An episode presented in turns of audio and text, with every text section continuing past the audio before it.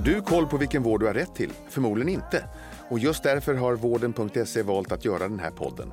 Jag heter Mikael Sandström och är husdoktor i eh, podden Vårddjungeln. Jag får sällskap av andra experter inom vårdrelaterade ämnen och även gäster som berättar om sina sjukdomserfarenheter. Har du som lyssnar en fråga du vill ta upp i podden så mejla fragoratvarden.se. Med detta sagt önskar jag dig varmt välkommen till Vårddjungeln. Nu kör vi! Hej och varmt välkommen till veckans avsnitt av Vårddjungeln med mig Staffan Gustafsson. Om du lyssnar exakt idag eh, när det här avsnittet släpps så vill jag passa på att önska alla en eh, glad alla hjärtans dag. Oavsett om du tillhör de som firar lite extra eller om du tycker att det är trams eh, har i alla fall vi på vården bestämt oss för att göra ett alla hjärtans dag avsnitt kopplat till det vi är bäst på, nämligen vårdrelaterade frågor. Och med mig idag så har jag Natalin Kron från eh, Hedda hela livet som ska hjälpa mig att svara på, eh, på lite frågor kring just relationer. Hur man till exempel dejtar eh, säkert, eh, både fysiskt och emotionellt. Och under corona under coronapandemin här så gick ju dejtingstatistiken av förklarliga skäl ner. Men vi ska försöka bena ut eh, hur det egentligen ser ut nu. Och eh, detta och mycket mer ska Nathalie få berätta om. Så att eh, välkommen till podden och välkommen Nathalie Kron från Hedda hela livet. Hej och tack så mycket. Jättekul att du kan vara med. Tack, det ska bli spännande. Ja, och eh, jag nämnde ju här att du jobbar ju på Hedda hela livet eh, och då är ju min fråga, vad, vad, gör du där? Och kan du inte bara berätta, eh, dra en kort hit, eh, hisspitch om vad, vad Hedda hela livet är, vad er eh, business, core business är? Ja, eh, Hela hela livet är ju ett företag som har funnits i Stockholm ett tag och nu även finns nere i Malmö. Mm. Och eh, då arbetar vi ju med eh, gravida, preven preventivmedel, cellmottag cellprovsmottagning och även sexologmottagning faktiskt här nere i Malmö. Så det är lite, man kan säga att det handlar om, om kvinnans kanske framför allt, men människors hela liv. Mm. Och som sexolog så är det ju såklart även äh, män och som vi, vi tar emot här. Mm. Men vad skönt, mm. då är du helt rätt person att prata med om det här ämnet. Mm. Ja, det kan men, man väl tycka. Men du, ska vi börja här med dejtingstatistiken nu? Eh, ja. Kan man se hur, hur, hur det här utvecklas? Är vi aktivare på dejtingmarknaden nu än till exempel för ett år sedan? Alltså totalt sett eh, så ser man en, en stadig, alltså trenden ökar ju eh, konsekvent hela tiden med, med dating på, på, på internet. Så det är egentligen eh, egentligen inte att det är mer nu för att det har varit corona utan mer för att det är ett generellt eh, mer och mer vanligt sätt mm. att träffas och, och eh, dejta på helt enkelt. Mm.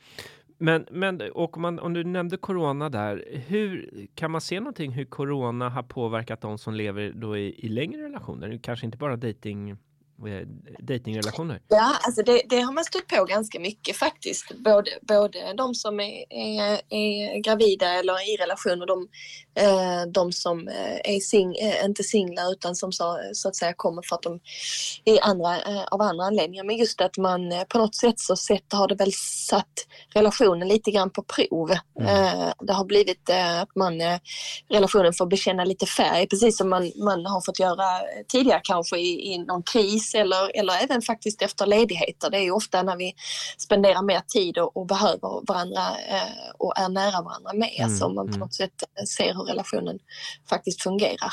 Um, kan man se att eh, har skilsmässorna gått upp under pandemin? Du, de siffrorna sitter jag inte på. Nej. Nej. Hur, eh, hur, hur, påverkas lusten i ett förhållande då? Och, och sen så självklart då, hur håller man den i liv om den påverkas?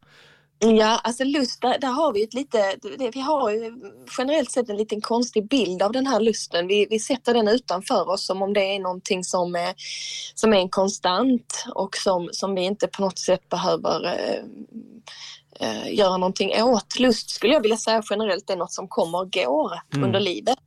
Eh, både kortsiktigt och långsiktigt så, så, så, finns den där ibland och finns den inte där ibland och det är absolut någonting som vi behöver bejaka för att det ska, för att det ska kunna finnas med oss helt enkelt och det mm. behöver ges utrymme och så vidare för att den ska, för att den ska få finnas där. Mm. Och det är mm. väl mycket det som man eh, som jag pratar om här, att man behöver börja se på lusten på ett annat sätt och inte plocka ut den, sätta den som en, eh, om man tänker sig att man har ett liv som, som är stressigt eller man har svårt att få tid till annat så, så, så, så, tänker man sig på något sätt ändå att man ska, lusten ska bara, den ska bara finnas där och rulla på och, mm. och, och gör den inte det så måste det vara något fel.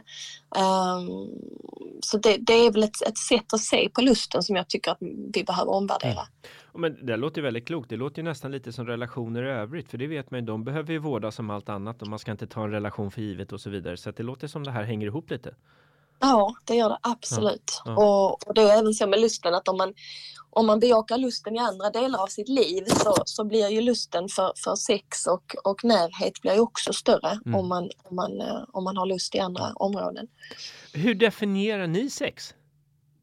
Du, vilken bra fråga, den kan vi prata om i timmar. Ja, det är, det, det, det, det är väl det var ett enkel, en enkel fråga. Och den tar jag med alla patienter jag får här. Att, att, för den är, den är otroligt egentligen subjektiv även om ja. vi har ett, ett, ett, ett, ett, ett synsätt som är ganska, från samhället som är ganska påklistrat. Så är ju faktiskt trots allt eh, sex, eh, vad som definieras som sex, det är ju subjektivt och det är ju upp till var och en att avgöra. Så att, mm därför kan man ju personer som till exempel kan uppleva sitt sexliv som fantastiskt fungerande och, och de har det jättehärligt ihop men de kanske aldrig har ett samlag. Mm. Um, Medan en annan, ett annat par är väldigt eh, fokuserat på just samlagsbiten och har man inte den så har man inget sexliv. Mm. Så det är en väldigt relevant fråga att sätta sig ner och fundera över vad är egentligen sex för mig? Mm. Och, det, och det, det är många som kanske vrider sig och tycker att det är lite svårt att prata om det. Men hur ska man prata med sin partner om sina behov då? Så jag tror att man får, man får vara ganska head-on. Alltså ja. man, man, jag tror att man ska våga, uh, våga, våga lyfta det. Alltså jag tror till och, med, till och med våga lyfta det på så vis att man faktiskt man stänger såklart av alla mobiler och, och, mm. och, och, och ger, ger varandra full uppmärksamhet. Och sen så sätter man sig ner och, och lyfter ämnet som man lyfter alla andra ämnen faktiskt. Mm. Uh, och pratar om det uh, öppet och, mm. och från hjärtat och uttrycker hur man, hur man upplever saker, vad man behöver och, och vad man saknar eller vad man är glad för och mm vad man uppskattar. Mm. Uh, helt enkelt. Och att man inte ska vara så rädd om det utan off, eller rädd för det. Mm. Uh, och ofta är det ju så också att när, när en part börjar öppna upp för detta så, så blir det lättare för den andra och sen blir det en, blir det en positiv spiral av det helt enkelt där mm. man börjar, börjar förstå att man, att man kan öppna eller ha, ha en öppen dörr för mm. de här frågorna. Och hur är det med åldern då? Förändras eh, lusten med åren? Alltså det, jag skulle nog säga, vilja säga lite som jag sa innan, att ja. lust förändras över åren generellt. Ja. Eh, det kan vara personer som har en, en högre ålder som har en högre lust också. Eh, och yngre människor som har, har, har låg lust. Och jag, jag, återigen, jag sitter inte på siffrorna här framför mig nu, men, men, men, min, min generella bild är att, att jag tycker inte jag tycker inte åldern är det som framförallt påverkar lusten utan det är nog livet man lever helt mm. enkelt. Mm. Och vårt mål med den här podden det är att utbilda våra lyssnare om vilken vård de faktiskt har rätt till, men också vilka om olika sjukdomar och andra vårdrelaterade ämnen. Så mm. jag tänkte att du gärna skulle få hjälpa mig med en liten checklista på hur vi kan eh, dejta säkert för att skydda oss då mot just sexuellt överförbara sjukdomar. Hur, hur skulle en sån checklista se ut?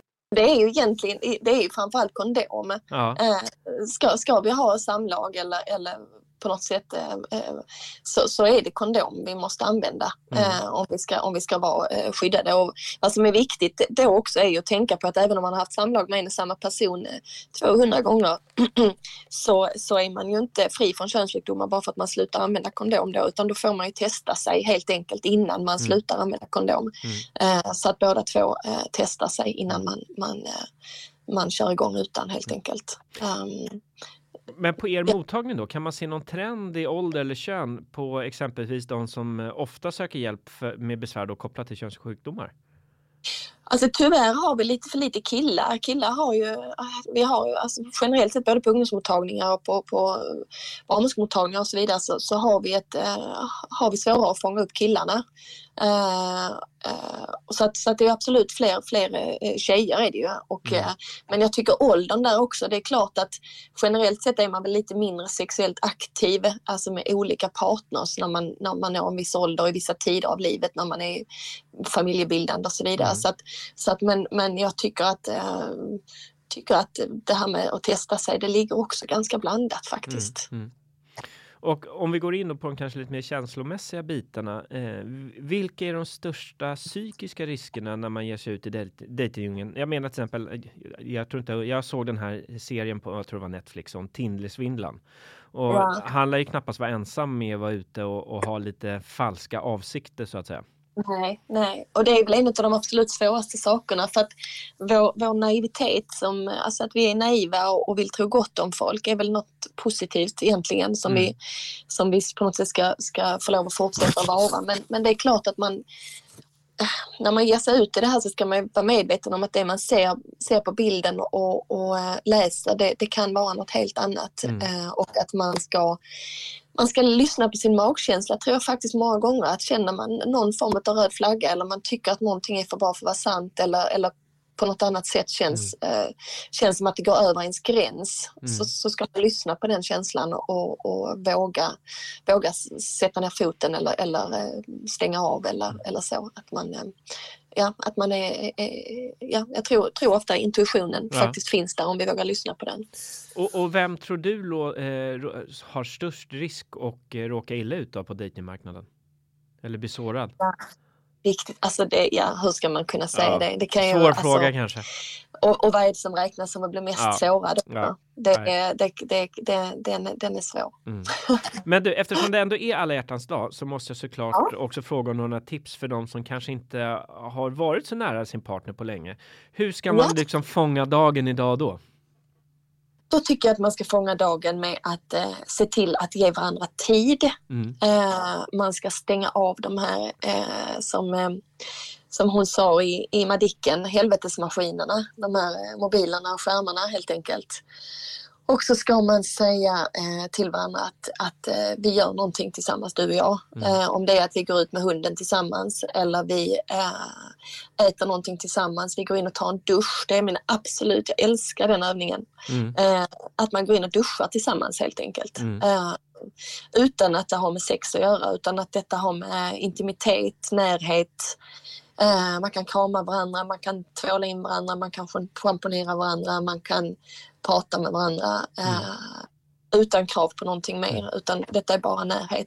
Jag skulle säga att tid, en liten stund, ge varandra det idag. Mm.